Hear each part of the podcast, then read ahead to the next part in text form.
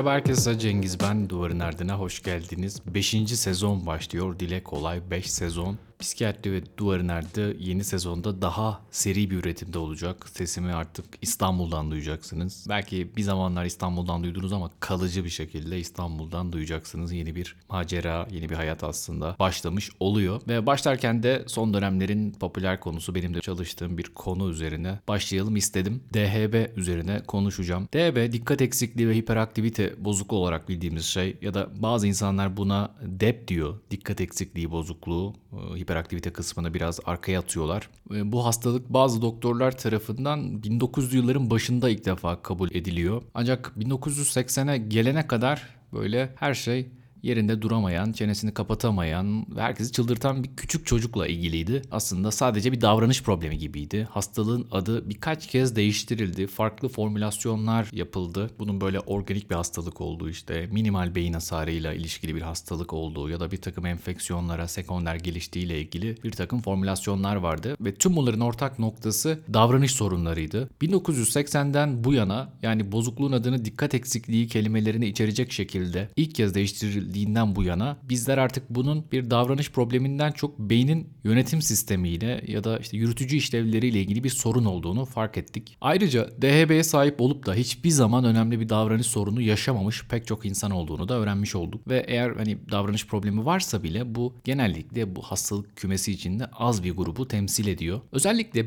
insanlar biraz daha büyüdüklerinde ve kendilerini idare edebilmeleri için onlardan daha fazla şey beklendiğinde insanlar için daha fazla sorun yaratma eğiliminde üzerinde olan şeyin dikkat sorunları olduğunu görmüş olduk. En başından itibaren açıklığa kavuşturulması gereken önemli bir husus var. Bunu belki de en başında söylemek önemli.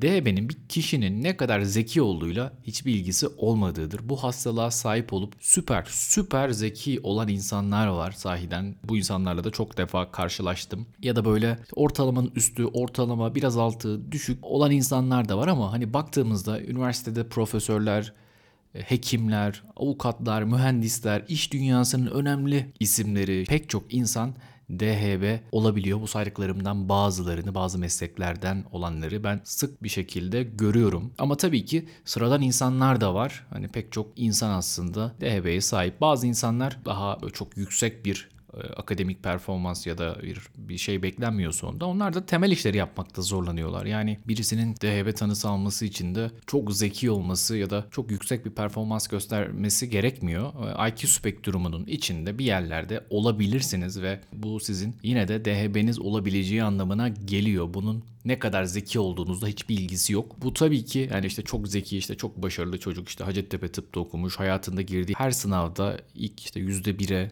Hatta %0.1'e girmiş ve TUS'a girmiş, TUS'u kazanmış. Üniversite sınavında derece yapmış okulu dereceyle bitirmiş ve yine de dikkat eksikliği ve hiperaktivite bozukluğu olabiliyor. Olmaz diye bir şey yok. Yani bunun zekayla da akademik bir performansla da doğrudan bir ilişkisi yok. Bunu hani çok sık bu örnekleri gördüğüm ve bu yönde çok fazla eleştiri duyduğum için en başta söylemek istedim. Bilinmesi gereken diğer bir şey bunun çok fazla, çok çeşitli özellik içeren bir dizi sorun barındırdı. Ve benim hani bugün yapmak istediğim şey kafanızda biraz canlanması bu hastalığın. Yani bu hastalık bilmeyen insanlar için ya da belki kafasını canlandırdıktan sonra bir şeyleri fark etmesi için bazı insanların bunu yapmaya çalışacağım. E, bazı özellikleri size tanımlamaya çalışacağım ve bazı örnekler vereceğim. Bazı hasta öyküleri yani böyle çok isim cisim vererek değil de onlardan birkaç cümle aktarmaya çalışacağım. DHB'nin seyri sırasında beyinde nelerin yer aldığına dair bildiklerimiz hakkında konuşmaya çalışacağım. Şimdi yine önemli olan şeylerden birisi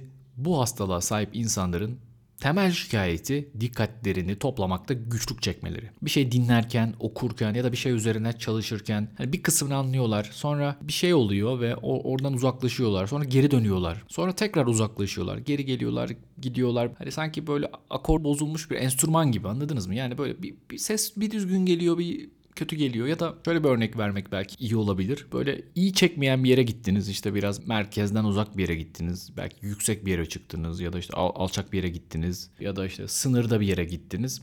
Ve telefonla ilgili bir sıkıntı yaşıyorsunuz. Yani telefonunuz bir çekiyor bir çekmiyor. Yani mesaj bir geliyor bir gitmiyor. İşte yazıyorsunuz gidiyor ama fotoğraf atıyorsunuz gitmiyor gibi. Aslında DHB'li bir insanın zihni de biraz böyle. Yani biraz oluyor biraz olmuyor bir karışıklık var orada. Çekiyor mu çekmiyor mu telefon anlamıyorsunuz gibi. Ve genel anlamda hani bu dikkatlerinin dalmasıyla ilgili bir sorun yaşıyorlar ve aslında herkes gibi tabii ki onlar da etraflarında olup bitenleri görüyorlar, duyuyorlar, farkındalar. Ama bir taraftan kafalarından geçen bazı düşünceler de var. Şimdi çoğu insan odaklanması gereken bir şey varsa bu şeyleri yollarından çekebiliyorlar. Yani önüne bir şey çıktı. Onu kenara alabiliyorlar ve yapmaları gereken şeye odaklanabiliyorlar. DB'si olan bir insan için bunu yapmak sahiden zor. Diyelim ki işte amfide oturuyorsunuz ya da bir toplantıdasınız. İşte bir grubun içerisindesiniz ve birisi bir şey anlatıyor.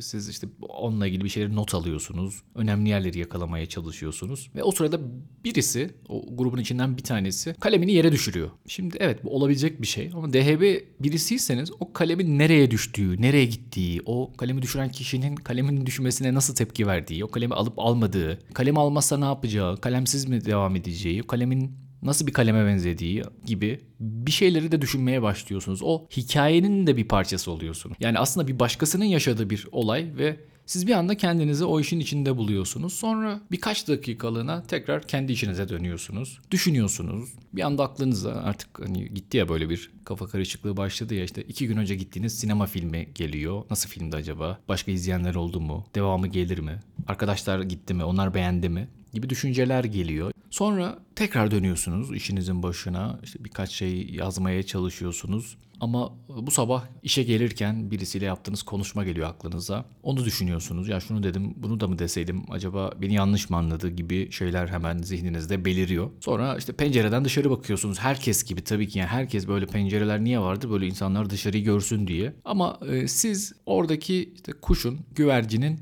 yuva yapmasını izlemeye başlıyorsunuz. Onu tek tek böyle işte çalı çırpı toplayıp e, ağacın yüksek bir yerine yuva yapmasını izliyorsunuz. Böyle detaylı bir şekilde diyorsunuz ki ya diyorsunuz bunlar kaç tane işte böyle çalı çırpı toplamalı? İşte bir yuvayı yapmak ne kadar sürer? İşte o yuvayı dişi kuş mu yapar? Erkek kuş nerede bu sırada? gibi bir takım şeyler düşünmeye başlıyorsunuz. Sonra bir bakıyorsunuz orada trafik başlıyor yavaştan. İşte trafiği görüyorsunuz. Emniyet şeridinden birisi geçiyormuş gibi hissettiniz. Ya bu emniyet şeridini niye kullanıyor bu adam? diye e, sinirleniyorsunuz. Sonra aklınıza geliyor. İşte geçen ben giderken de birisi emniyet şeridinden beni sıkıştırmıştı diyorsunuz.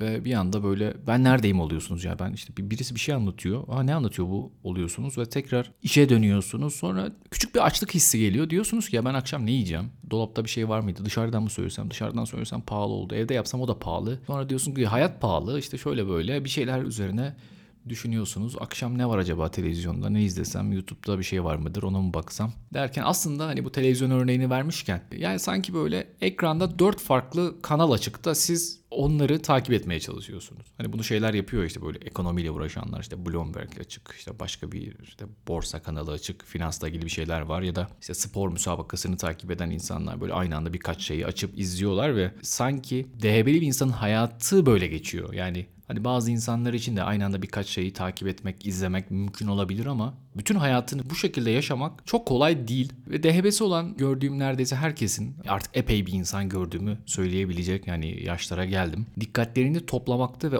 odaklanmakta sorun yaşadıkları birkaç şey var. Yani mesela şöyle bir örnek vereyim. Bir sporcu yani tekvando ya da judo öyle bir sporla uğraşıyor ve çok da başarılı bir sporcu örneğin. Başarılı olduktan sonra aslında ailesi okuldaki başarısızlığıyla ilgili ya da okuldaki beklentileri karşılayamaması ile ilgili getiriyor ve diyor ki aslında müsabakada çok başarılı hem de böyle bir dövüş sporu her an dikkatini vermesi gereken her an böyle odaklanmasını gerektiren bir şeyde çok başarılı. Yani o müsabakanın her saniyesinde rakibin nerede olduğunu kontrol ediyor ve tamamen kendini oraya verebiliyor. Bunu antrenörleri, bütün işte izleyenler herkes bunun farkında. Zeki de bir çocuk. İyi notlar almak istiyor ve hatta onun da hayali var işte tıp fakültesine gitmek, iyi bir okulda okumak gibi. Ama öğretmenleri hani bu beklentileri pek karşılayamadığını söylüyor. Yani bu çocuk hani işte spor müsabakasında bu kadar böyle iyiyken, oraya dikkatini verirken sınıfta yani ne yaptığının farkında değil. Sanki böyle işte ne bileyim tavana bakıyor ya da uykulu gözüküyor. İşte pencereden dışarı dalıyor gidiyor bir şey sorduğumda sanki orada değilmiş gibi. Tabii aile bunları böyle söylerken hani ailenin bir hipotezi var. Yani eğer işte bu çocuk böyle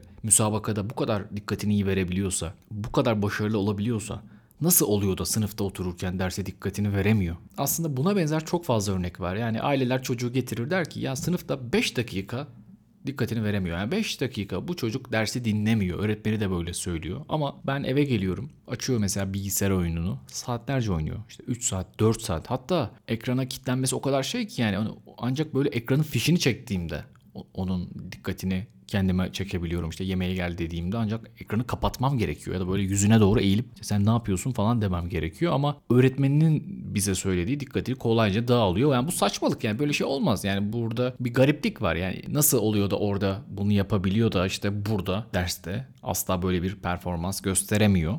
Bu her zaman spor ya da video oyunlarıyla alakalı olmuyor. Sahiden bazı insanlar işte ne bileyim sanatla ilgilendiğinde bir çizim yaptığında ya da işte bu yetişkinlerde de bu ara çok popüler bir şey Lego yaptığında böyle dakikalarca saatlerce onunla uğraşabiliyor ya da bir puzzle'ı uğraşıyor bitiriyor. Ama aynı adam bir mühendis hatta böyle işte bir, bir şekilde o, o Lego'dan daha da kompleks şeyler yapması gerekiyor belki ama bir yanıyla da ona benzeyen bir tasarım. İş oraya geldiği zaman aynı dikkati veremiyor. Neredeyse diğer konular için de dikkatini vermekte zorlanıyor. Ve şimdi o insana sorarsanız yani sen hani aslında belli şeylerde dikkatini çok iyi verebiliyorsun ama nasıl oluyor da diğer şeylerde bunu yapamıyorsun. Yani bunun nasıl bir açıklaması var? Onlar genelde şunu söylüyor. Yani kolay diyor. Yani bunun cevabı kolay. Çünkü benim diyor bir şey ilgimi çok çekiyorsa diyor ben ona dikkatimi veririm. Çok ilgimi çekmiyorsa, çok böyle beni heveslendirmiyorsa dikkatimi veremem ya da dikkatim kolay dağılıyor. Şimdi bunu dinleyenler ve böyle bir rahatsızlık yaşamayan birisi şunu diyebilir hızlıca. Onu e, hemen böyle bir cevap vereyim. Haklı da bularak cevap vereyim. Evet di- diye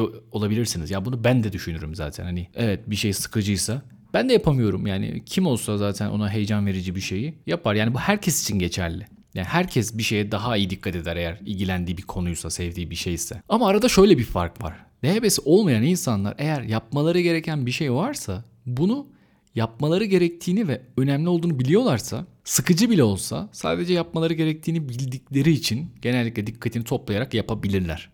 Ama DHB'si olan bir insan birileri onlara ilginç olması gerektiğini söylediği için değil. Yani bir şey işte ilginç olması için değil. Sa- sadece herhangi bir nedenden dolayı ama DHB'si olan bir insan için yani bir şey ilgisini çektiğinde daha yapılabilir oluyor. Ya da gerçekten hani ilginç bir görev değilse hani imkansıza yakın bir şey tamamlamaları ama belki işte birisi artık böyle başında duracak. Hani neredeyse kafasına silah dayayacak ve bunu hemen yapman lazım. Burada bunu halletmen lazım. Çünkü yarın son gün. Tabii bu tatsız bir şey. Yani hani böyle bir şeyin olması birisinin gözetiminde yapmak ya da işte bir zaman baskısı altında yapmak Hani o vakitlerde çok iyi odaklandıkları da oluyor. Ama yine de işte o anda da başka bir şey olursa odaklanmaları gerçekten zor oluyor. Tabii burada insanın şöyle bir kafası karışıyor. Yani diyor ki o zaman bu gönüllü bir şey. Yani insanın kendi dikkatini vereceği ve vermeyeceği şeyler iradesiyle ilgili bir şey. Bunun bir irade sorunu olduğunu söyleyen insanlar var. Hani burada yapabiliyorsan neden burada, orada, şurada yapamıyorsun? Yani bunu nasıl açıklayabiliyorsun? Ama aslında DHB yani iradeyle ilgili bir sorun değil. Bu e, beynin yapısıyla ilgili bir sorun. Hatta işte beynin gelişimiyle ilgili bir sorun. Çok erken yaşlarda, erken çocukluk, erken ergenlikte beynin gelişimiyle ilgili bir sorun. Şimdi benim burada anlatacağım DHB'nin tüm özellikleri herkesin bazen zaten sorun yaşadığı şeyler. Hani ona da bir mutabık olalım. Yani az önce de söyledim. Sadece DHB'si olan insanlar bu konuda biraz daha fazla sorun yaşıyorlar. Yani DHB böyle 1 ve 0 gibi kategorize edilemiyor. Yani hani ya DHB'sindir ya değilsindir gibi bir şey değil. Aslında bizim hastalıklardan mesela depresyona da benzetmek mümkün. Hani yine benim üzerine çalıştığım, yani tanıyla da ilgili çalıştığım bir rahatsızlık. Çünkü bazen hepimizin canı sıkılır, hepimiz mutsuz oluruz. Birkaç gün böyle keyifsiz geçer hayat ve biz işte buna depresyon der miyiz? Demeyiz. Çünkü birkaç gün süren bir rahatsızlık, bir işte mutsuzluk e, depresyon teşhisi koymaya yetmez. Ancak depresif belirtiler kalıcı, yaygın olduğunda ve insan için çok problem yarattığında evet biz buna deriz ki yani bu klinik bir depresyon ve biz bu konuda bir şey yapmalıyız. Yani bu anlamda DHB ile ilgili tüm özellikler bazen hepimizin yaşadığı sorunlar. Yani bazen herkes dikkatini bir şeye vermekte zorlanır. İşte zihni karışıktır. Masanın başında oturmakta güçlük çeker.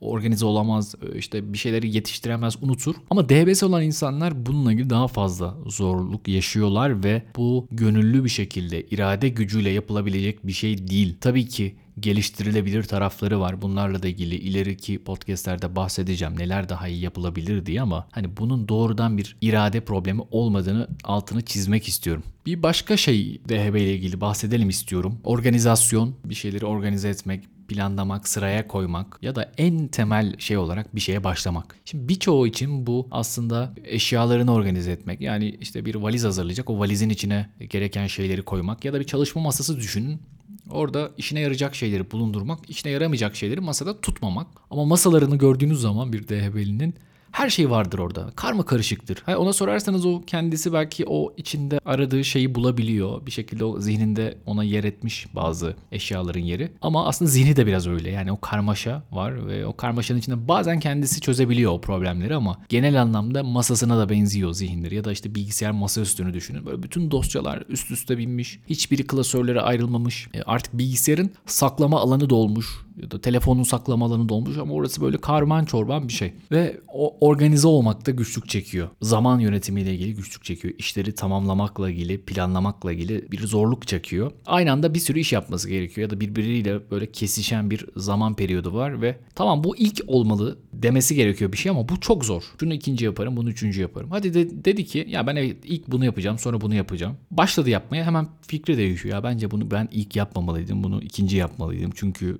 bu şimdi böyle şey oldu. Ben aslında ilk onu yapacaktım gibi fikir hızlıca değişebiliyor. Yani başlamak zaten zor. Başladıktan sonra o fikri işte sebatkarlığı göstermek, bir projeye sadık kalmak da bir o kadar zor. E, bunların her biri için tabii ki ayrı ayrı şeyler e, yapacağım. Yani bu organize olmak, başlamak, sıraya koymak, sebat etmek, ödüller, DHB ilgili tartışmalar, tedaviler bunların her biriyle ilgili ayrı ayrı bölümler yapacağım. DHB sahiden hani biraz daha anlaşılmayı hak eden bir hastalık. Çünkü bilmediğiniz zaman, hakkında detaylara vakıf olmadığınız zaman çok hızlıca pozisyon alabileceğiniz de bir hastalık. Yani karşısında işte abartıldığını, e, suistimal edildiğini, bunu ilaçlar içinde, teşhisle de ilgili söyleyebilirsiniz. Yani bilmediğinizde bunu bu şekilde ele almak çok kolay. Ama bundan daha fazlası var ve ben e, aslında bir seri yapacağım, uzun bir seri yapacağım ve çok sık bölümlerle size DHB'yi anlatmaya çalışacağım. E, bu konuda hani geri dönüşlerinizi de alabilirim. E, bana mail adresimden ya da sosyal medya hesaplarından ulaşabilirsiniz. Bunun dışında beğenirseniz paylaşabilirsiniz ve daha fazla insana ulaşma şansına sahip oluruz. Dinlediğiniz için çok teşekkür ederim. Kendinize iyi bakın, hoşçakalın.